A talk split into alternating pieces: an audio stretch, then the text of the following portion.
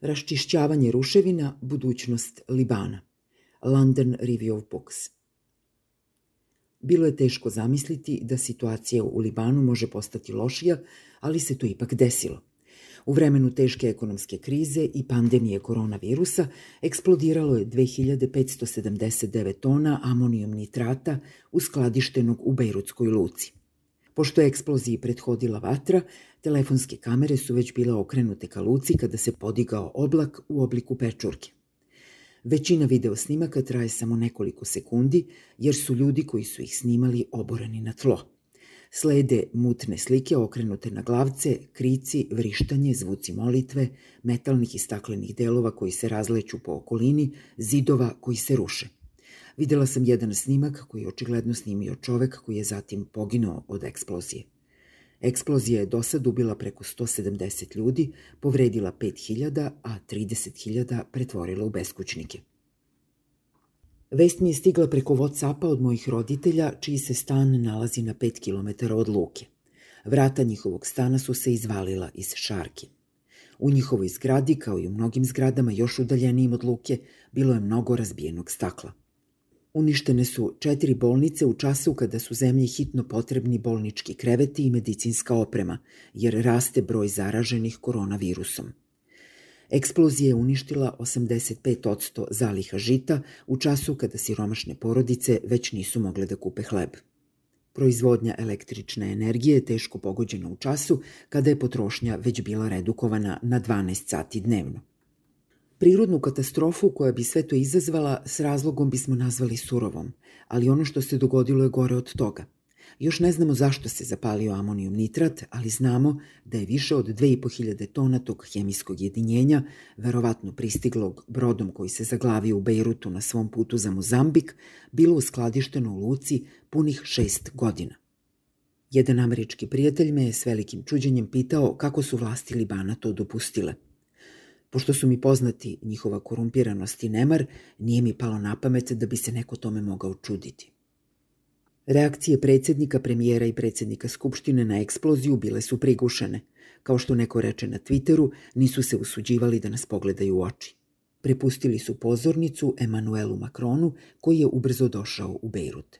Tu je održao govore, sreo se sa političarima i aktivistima civilnog društva i ponudio pomoć – Nikome nisu promakli kolonijalni tonovi te posete. Više od 50.000 ljudi je potpisalo peticiju kojom se Francuska poziva da preuzme kontrolu nad Libanom. Francuski predsjednik je zasenio članove libanske vlade. Država je bila odsutna i slike i na druge načine. Jedan TV komentator se požalio da su imena mrtvih čitali lekari, a članovi porodica nestalih pojavili su se u živom prenosu samo da zamole za informacije o svojim najbližima. Proglašeno je vanredno stanje, ali su ruševine uglavnom raščišćavali volonteri. Stalno me zaprepašćuje način na koji libanski zvaničnici komuniciraju s javnošću. Ministar zdravstva jadikuje nad stanjem zaliha hrane kao da to nema nikakve veze s njim.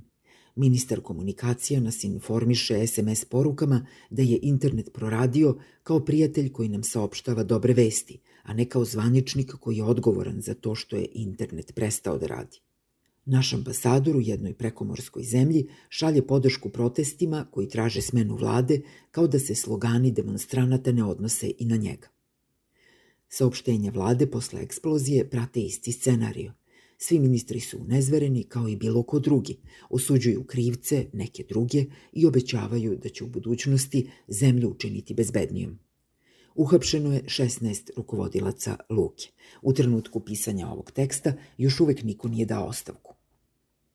Jedna gošća u televizijskoj emisiji izrazila je svoj gnev na ljude koji vladaju zemljom poslednjih 30 godina. Ali problemi su još stariji. Pre 30 godina nismo imali mir i blagostanje, već 15-godišnji građanski rat, pre svega između milicija predvođenih ljudima koji su danas na vlasti. U tom ratu je poginulo najmanje 120.000 ljudi, a desetine hiljada su raseljene. I godine pre toga, između sticanja nezavisnosti i izbijanja građanskog rata, bile su ispunjene nizom sporadičnih sukoba. U školi me nisu učili o istoriji moje zemlje. Učbenik se završavao sa 1943. godinom. Umesto toga, učili smo o uzrocima dva svetska rata, o poduhvatima jednog posebno krvoločnog otomanskog oficira, o bedi koju je izazvala najzda skakavaca 1915. o evakuaciji francuskih trupa 1943. Ne sećam se da smo učili išta o ratovima koji su okrenuli maronitske seljake protiv druskih veleposednika na planini Liban 60. godina 19. veka. Sve čega mogu da se setim u 19. veku iz mojih učbenika istorije su portreti raznih bradatih emira u živopisnim odorama. Novi nacionalni školski program uveden je 1998. ali istorija se i dalje završava 1943. Promene su bile zamenjivanje arapske književnosti svetskom u lošim prevodima, novi učbenik filozofije u kome se najčešće pojavljivala reč treba, u njemu je i cela lekcija posvećena sublimaciji želja, i uvođenje građanskog vaspitanja kao novog predmeta. Dok se istorija završavala pre građanskih ratova, građansko vaspitavanje se otiskivalo u srećnu budućnost – Učili smo o tome da je važno poštovati saobraćene znake, ne bacati đubre po ulici i preuzeti aktivniju ulogu u životu svojih gradova. A sve to u zemlji bez semafora ili javnih parkova, gde čak i na lokalnim izborima ljudi glasaju ne u mestu u kome žive, već tamo gde su rođeni njihovi baba i deda. Tek kao student sam prvi put pročitala Libanski ustav. Sa svojih 20 godina bila sam bezmalo iznenađena što takav dokument uopšte postoji i što mogu da ga pročitam. Ustav počinje rečima Liban je suverena, slobodna i nezavisna zemlja.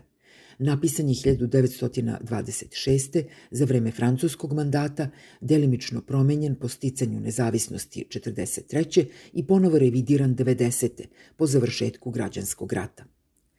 Poslanička mesta sada su podeljena na jednake delove između hrišćana i muslimana. Pre 90. odnos je bio 6 prema 5 a ovlašćenja maronitskog hrišćanskog predsednika smanjene su u korist sunitskog muslimanskog premijera i šiitskog predsednika Skupštine. Te privremene odredbe uokvirene su klauzulama koje se odnose na nacionalni cilj ukidanja političkog konfesionalizma. Politički konfesionalizam je privremena mera čiji je cilj da samu sebe ukine. Ljudi u Libanu izvan njega više puta su pozivali na ukidanje političkog konfesionalizma. Mnogi su se zalagali za svetovnu državu i novi društveni ugovor između vlade i građana. Ali mene je počela da opseda ideja privremenosti, uvek prisutnog, a nikad ispunjenog obećanja o nečemu što je moglo biti i što još uvek može biti, kao trajnoj osobini postkolonijalnih društava. U svakom slučaju nije potreban novi društveni ugovor da bi se vlada sprečila da uskladišti 2570 tona amonijum nitrata u blizini naseljenih oblasti. Osnovna ideja vladavine, koja je postojala hiljadama godina pre pojave moderne države, počiva na načelu quid pro quo, zaštita za poslušnost. Zašto da imamo bilo kakvu vlast ako nas ona ne štiti, već naprotiv ugrožava – Problem u krajnjoj liniji nije versko sektaštvo, već ono što moderni sistem država dopušta i ne dopušta, koliko manevarskog prostora ostavlja ljudima, koliko im omogućuje da zamisle alternativne oblike vladavine. Tokom pandemije težnja ka globalnoj pravdi ustuknula pred starijim stanovištem po kome je blagostanje unutrašnja stvar svake države. Pošto svi svuda trpe, nije bilo mnogo poziva da ljudima pomaže i jedna druga država osim njihove – Značajno je da je jedini delimični izuzetak od toga Evropska unija, jedini nadnacionalni poredak koji i postoji u ovom trenutku. Ali je značajno i ovo. U trenutku kada se u Libanu pojavio oblak u formi pečurke i kada je svet to primetio, iz magle i dima se kao potencijalni spasilac pojavio niko drugi do francuski predsednik. U knjizi Nacionalni diskurs i kolonijalni svet Parta Čaterije pokušava i ne uspeva da nađe postkolonijalni nacionalizam različit od kolonijalnih ideja protiv kojih se borio. Postkolonijalni svet je strukturno okovan kolonijalnim kategorijama, njegova mogućnost da se kreće izvan njih je ograničena. Pre eksplozije, jedina praktična opcija dostupna Libanu bila je program strukturnog prilagođavanja – Možda sad postoji druga opcija koja podrazumeva neku vrstu francuskog pokroviteljstva – Ali postoji i treća. Otkrili su i oni koji sada sklanjaju ruševine i koji su se zakleli da će se boriti za izgubljene živote. Masovni protesti od prošlog oktobra možda su oslabili, ali revolucionarni duh na kome počivaju istrajava. Želim im da uspeju, uprkos svemu.